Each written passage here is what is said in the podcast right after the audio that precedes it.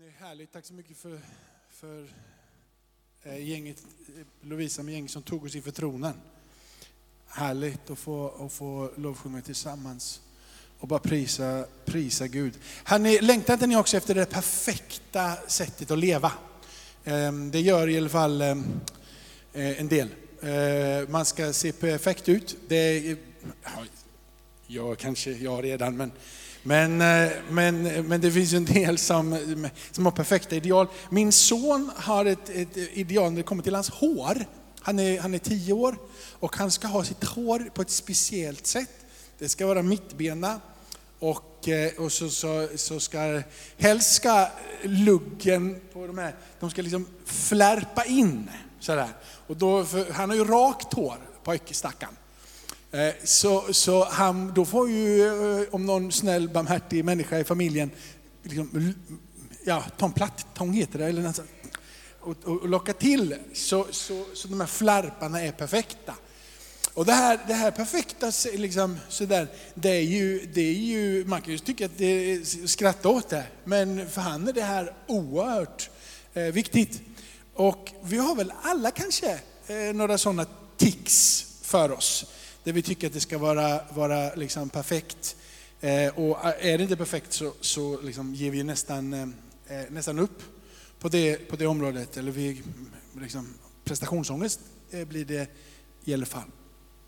Det är så här, Ehm, jag satt på och lyssnade på radion på väg hem. Det har tagits fram ett system, och, eh, eh, det är säkert du som är väldigt teknisk och väldigt eh, intelligent och sånt där som kan, kan det här. Jag kommer inte ens ihåg vad det hette.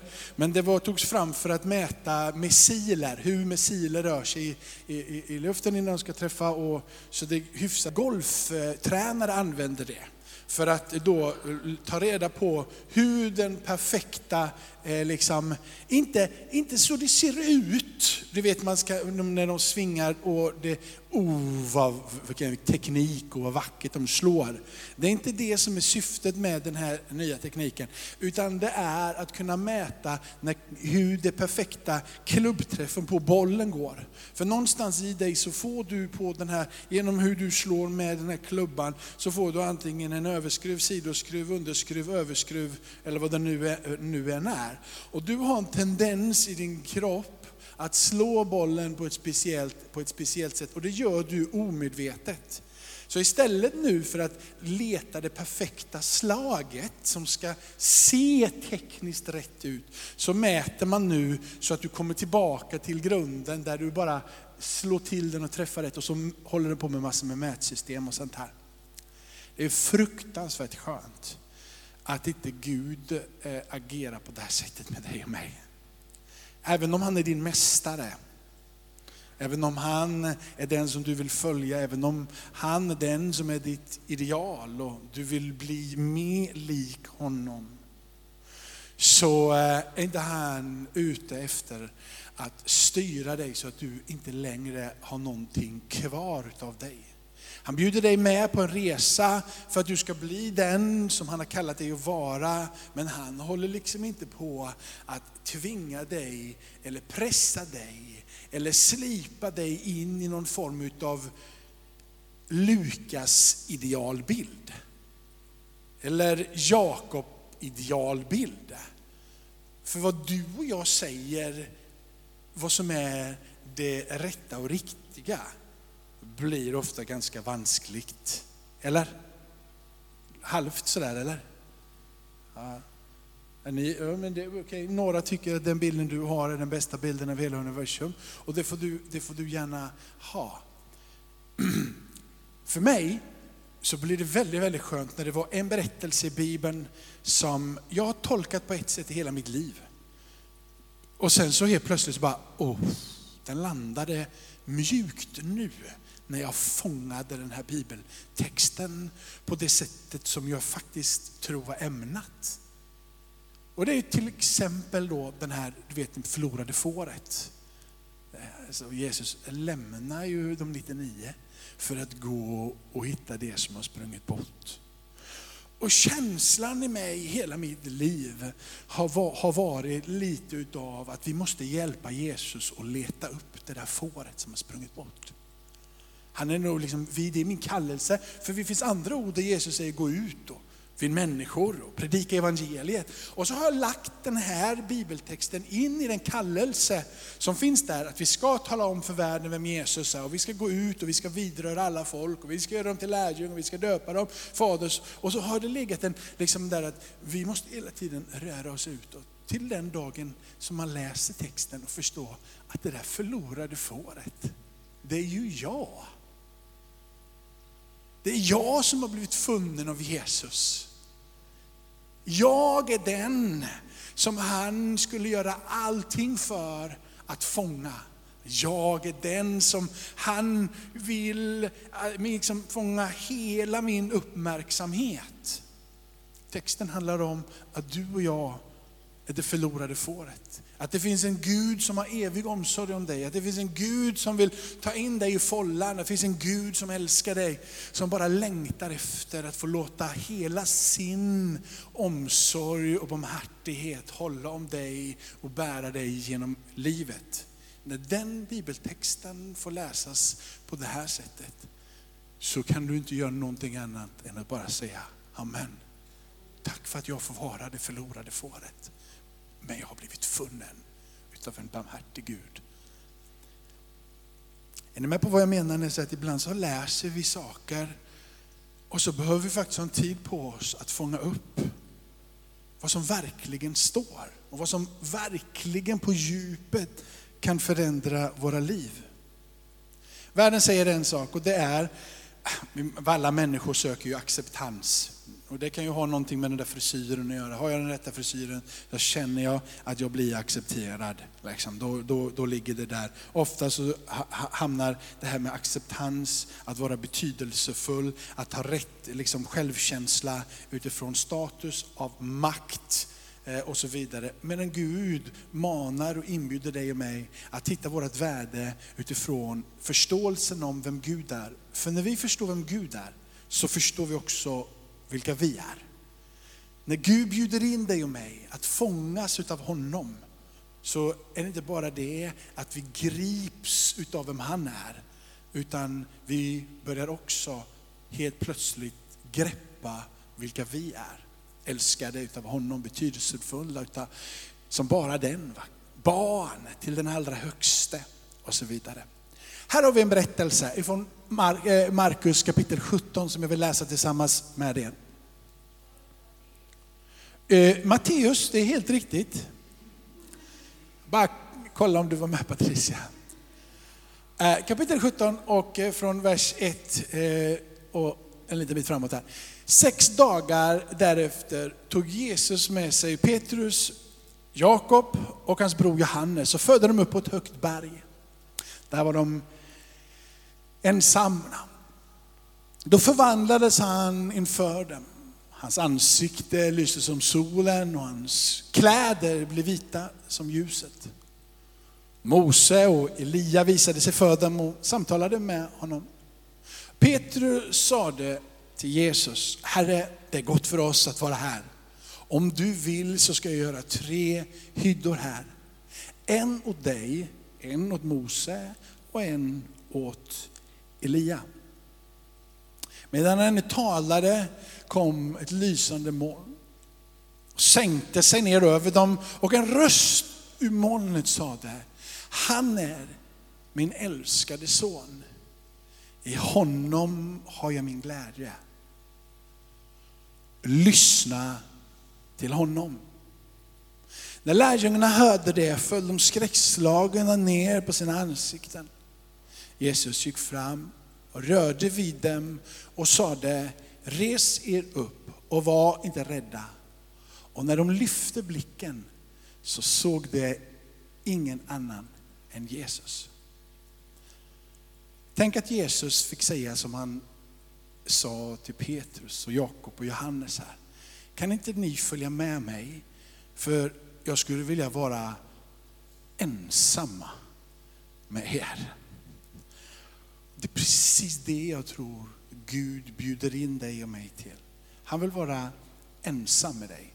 Salmisten säger så här i psalm 62, att de som fruktar Gud, eller för de som fruktar Gud, umgås Gud förtroligt med.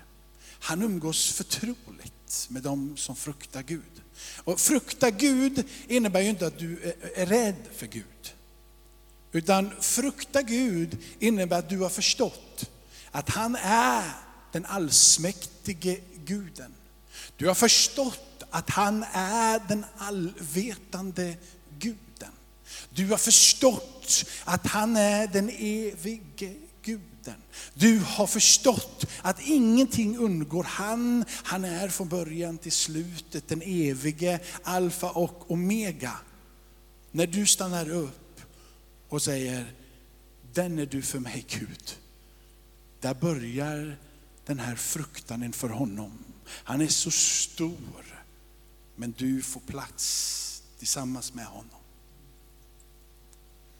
Han umgås förtroligt. Han säger Petrus, Jakob och Johannes, jag vill vara ensam med er.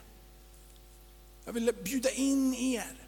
Jag vill att ni följer med mig på en liten, liten speciell resa här. Vi ska gå upp här tillsammans. Och när de går upp där tillsammans så förvandlas de och jag tänker vi, vi släpper det där. Men någonting av himlen kan man ändå känna i den här berättelsen. Eller? Någonting utav att det är härligt, att det är ljust, att det strålar, att det är ett intryck som liksom drar sig djupt in på deras insida. De blir förvånade, de blir gripna, de blir tagna utav situationen. Men om du lämnar det, så är det en röst som talar. Min son, jag glädjer i dig.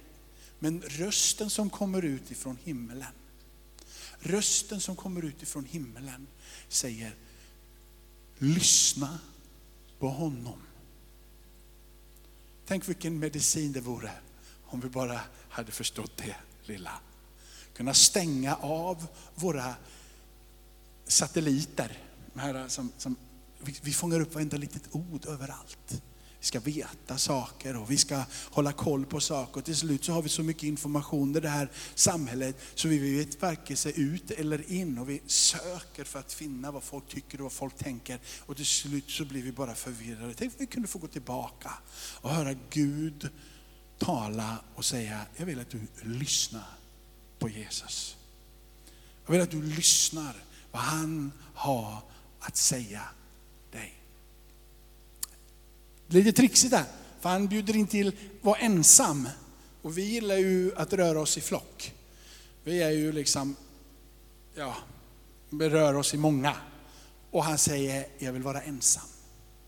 Och när han säger, jag vill vara ensam, så säger, lyssna på honom. Medan du och jag försöker göra precis så som Petrus gör i den här berättelsen. Jag är här, vilken röta för dig Gud att jag är här på jorden och att jag nu kan fixa det här med en hydda åt dig, och Mose och Elia.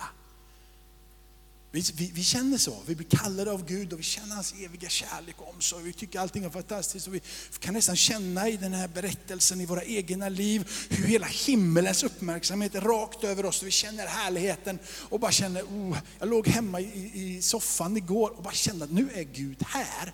Och bara kände direkt, jag är redo, vad ska jag göra? Och så bara tände, nej, det kan ju inte vara därför. Att han väcker mig i min uppmärksamhet där när jag ligger i soffan och säger, nu du, nu har jag en liten match eh, eh, för dig här framme. Ett litet projekt säger du, jag vill att du ska fixa det. Jag bara slog bort det direkt och tänkte bara, jag tror att du är här, inte för att jag ska göra ett jota för dig. Jag tror att du kommer bara för att du vill säga tja. Jag tror att du kallar mig in och bara säger, jag vill vara ensam med dig Jakob. Jag vill ha en stund med dig. Jag vill tala om för dig igen hur betydelsefull du är för mig. Jag vill tala om för dig att du är det där förlorade fåret och du kommer alltid för mig att vara i min omsorg. Jag vill tala om för dig att du är älskad. Jag vill tala om för dig hur, är du med?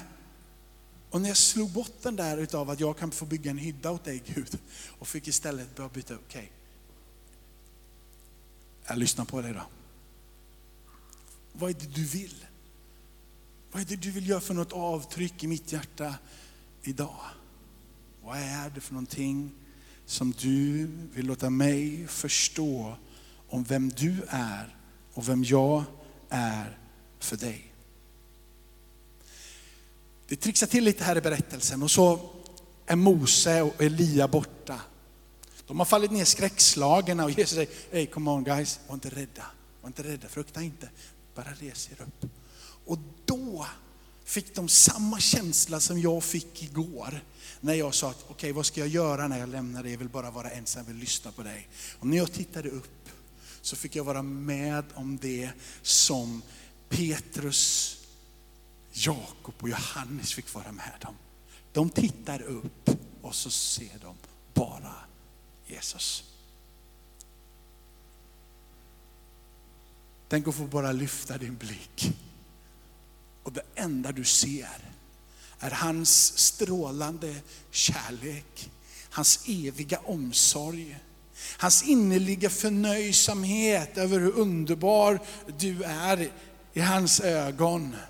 Han tittar upp, eller de tittar upp, och där, där är Mästaren, där är Jesus. Du och Jesus igen. Det tror jag är vad som står i den här versen. Precis det jag sa nu tror jag är det som står i Efesierbrevet kapitel 1 och vers 3. Välsignad är vår Herre Jesus Kristus Gud och Far, vår Gud och Far, som i Kristus har välsignat oss med all andliga välsignelser i himmelen.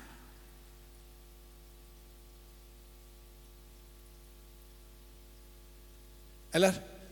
Vad är, vad, är, vad, är, vad är det här annars? Är det att vi fattar de där krångligheterna, hur keruberna ser ut? Vad är, vad är det att vi i Kristus har blivit så oerhört välsignade så det till och med står all andliga välsignelser? Jag tror att det är att du och jag har fått tillbaka fokuset rätt. Där han är för ditt öga, villig att lyssna, redo att säga ditt ja till honom. Fullständig acceptans. Jag vet inte om, om det är möjligt att möta med Jesus på det här sättet och gå därifrån och känna sig betydelselös. Jag tror det är omöjligt. Jag tror att när du möter med Jesus på det här sättet så tror jag du känner dig oerhört betydelsefull. Jag tror att du känner dig tillfredsställd. Jag tror att du känner att ah, jag är sedd utav den evige guden. Jag tror att du till och med känner det som vi sa förra söndagen. Hur länge ska jag egentligen vänta på Gud? Hur länge ska jag vänta på Gud? Svaret är ganska enkelt. Så länge som han vill. Varför då, säger du? För att när jag väl möter med honom så ger han mig allt vad jag behöver. Eller hur? Varför i hela världen ska jag vänta på Gud? Varför ska jag vänta på den där stunden när jag får se honom? Varför ska jag vänta på den där stunden när han säger någonting? För när han gör det så förstår du hur betydelsefull du är, hur accepterad du är. Hur du kan ha din fullständiga självkänsla i honom och du säger, det var värt det. För när du nu har mött med mig så förstår jag att det är allt vad jag behöver. Det är vad de säger som blir frälsta. Och det är vad Gud vill att du och jag ska säga idag igen. Han vill inte liksom att du ska dra ut på det i all oändlighet och bli helt utlakad och stå där med dina instrument för att mäta det perfekta slaget i all oändlighet. Där du ska bli den helige och du ska bli den rene och du får kämpa så om att vara helig och ren så du inte längre har någonting kvar på, på insidan. Och du kämpar så mycket att du, med att du inte ska vara syndig och att du inte ska vara smutsig. Så du håller på att dö på din insida av all den där kampen att stå emot den där synden och smutsen. Och du kämpar järnet med att bli den där helige, fläckfrie in i den där kallelsen. Men kallelsen är inte att bli ett instrument för någon liksom, det är, var ensam med mig. Lyssna till min röst. Du ska få se mig och du ska få bli tillfredsställd. Klockan är snart tio över fem. Och eh, för vi ska hinna med nattvarden så tycker jag att det blev ett bra amen där på min predikan. Och så tar vi del två nästa, nästa söndag. Låt oss be tillsammans och så får Benjamin leda oss vidare in i nattvarden. Du är betydelsefull min vän. Du är accepterad av honom och han vill att du ska se upp till honom, lyssna på honom, möta med honom och bli förvandlad av honom. Tackar dig Fader i himmelen för ditt eviga ord, dina sanningar, att vi får tala ut dem på den här platsen och läsa de här fantastiska berättelserna som det nästan blir, blir, blir konstigt. Liksom himmelen på jorden här, Mose och Elia och det är Jesus. Men vi tar dem till oss, de här berättelserna. Hur krångliga de än är och hur många människor som inte förstår dem eller inte ens vill förstå dem, vi tar dem till oss Herre. För vi vill se ditt ansikte och Gud, vi vill lyssna på din son. Vi vill lyssna på Jesus. När vi går in i nattvarden, låt oss få möta med dig och låt oss få bli förvandlade utav dig. Tack Jesus för att vi inte behöver arbeta med den perfekta livsstilen eller perfekta frisyren för att få vår acceptans, uppleva betydelsefullhet och känna att vi duger, där självkänslan hela tiden är ett strävande, utan vi får vara förnöjda i närheten utav dig. Vi har mött med dig och vi vill avslutningsvis på den här gudstjänsten möta med dig igen.